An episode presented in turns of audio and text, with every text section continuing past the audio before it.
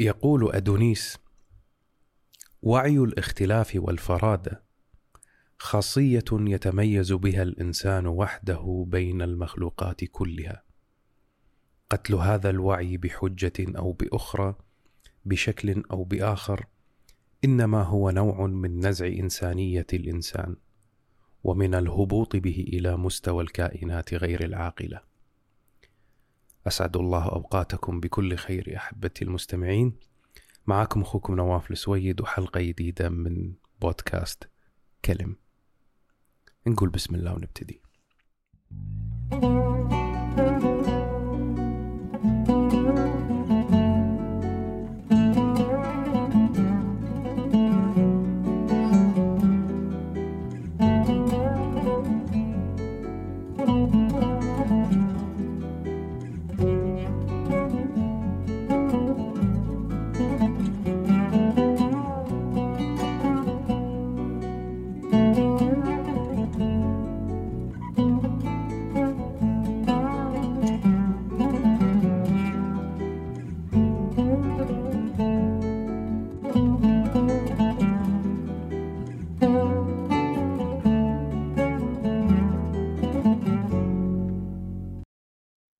يا هلا ومرحبا فيكم في حلقة جديدة من بودكاست قلم. موضوع اليوم من فترة أنا ودي أتكلم فيه يعني شغلة ملاحظها وقاعد أعيشها من فترة طويلة وهي بعض الناس ألاحظهم أن ما يتقبلون فكرة الاختلاف ودائما ياخذونها في مجرى ومنحنى الخلاف. وللأسف الكثير ما يفرق بين معنى الخلاف والاختلاف. هم اصطلاحيا أو لغويا ممكن أن نعتبرهم واحد خلاف واختلاف نفس الشيء ولكن لو بنركز أكثر راح نلاقي بأن في فرق بين الخلاف والاختلاف. الاختلاف دائما ياخذ مجرى الاختلاف في الرأي الاختلاف في تباين الآراء والمغايرة في الطرح. أما الخلاف فدائما نلاقيه يروح في منحنى المخالفة والمعارضة للشخوص وليست الآراء. فالاختلاف ينصب في الجانب الفكري وجانب الرأي بينما الخلاف ينصب على الشخوص. أنا ممكن أن أنا أختلف مع شخص في رأي أو في فكرة أو في طرح هذه الفكرة والرأي ولكن لما أقول أن أنا على خلاف مع هذا الشخص فأنا أعارضه وفي عداوة أو في بغضاء أو شغلة بيني وبينه شخصيا وليس فقط اختلاف الرأي. والكلمتين أعم من التضاد. فللأسف أن أنا ألاحظ كثيرا في خاصة في السوشيال ميديا كثير من الناس يأخذون جانب الخلاف. أنا لي فكرة وتوجه وطرح معين. لا يخالفني في الرأي. ولكن آسف لا يختلف معي في الرأي ولكن يخالفني فقط لمجرد المخالفة بدون فهم للأسباب. ف وعلى سبيل المثال يعني الاختلاف ما يدل على إن إحنا أعداء. ممكن إن إحنا اثنين نختلف في تشجيع كرة القدم أو في تشجيع فرق معينة تلعب كرة. ولكننا متفقين في حب كرة القدم. فالاختلاف في تشجيع الفرق لا يفسد ان إحنا نحب كرة القدم ولكن الخلاف في شغلة معينة أو الخلاف في مبدأ معين يعني ممكن يسبب العداوة بين الشخوص. وللأسف كثير من عالمنا ما يفرقون بين الاثنين. وهذا كثير أنا مثل ما قلت لكم ملاحظه في السوشيال ميديا خاصة لما يكون في طرح لأفكار معينة أو طريقة طرح فكرة معينة مختلفة عن الشيء اللي أنت تعرفه والسائد عنك ناخذها في جانب الخلاف الشخصي مع الشخص.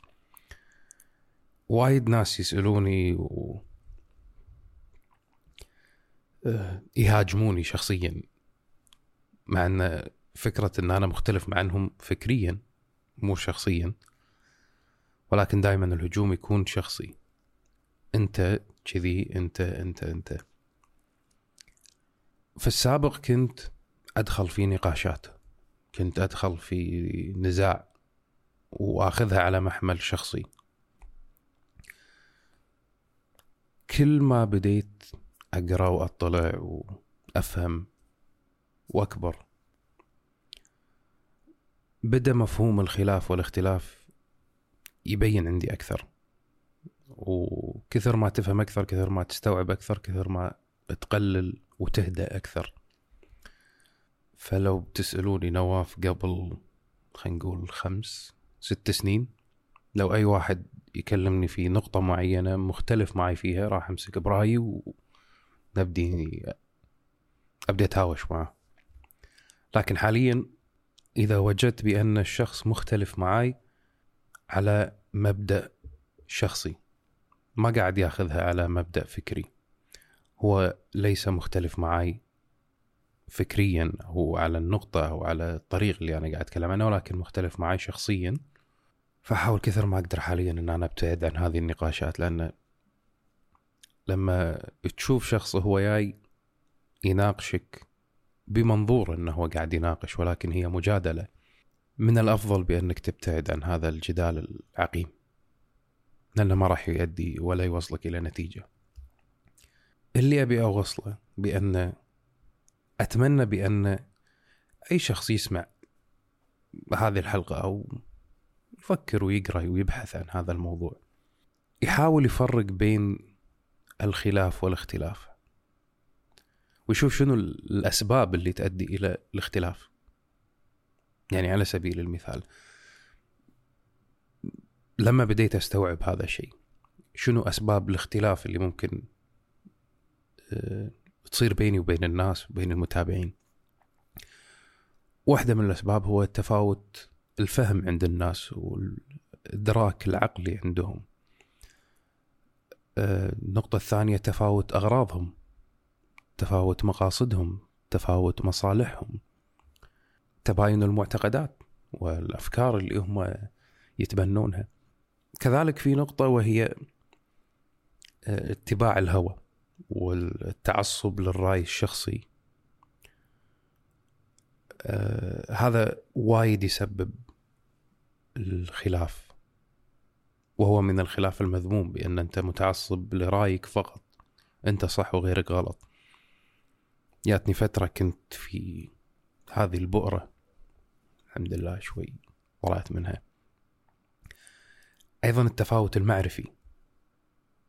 وللأسف هذا وايد قاعد يأثر حاليا على آه، طريقة تعاملنا مع بعض. التفاوت المعرفي.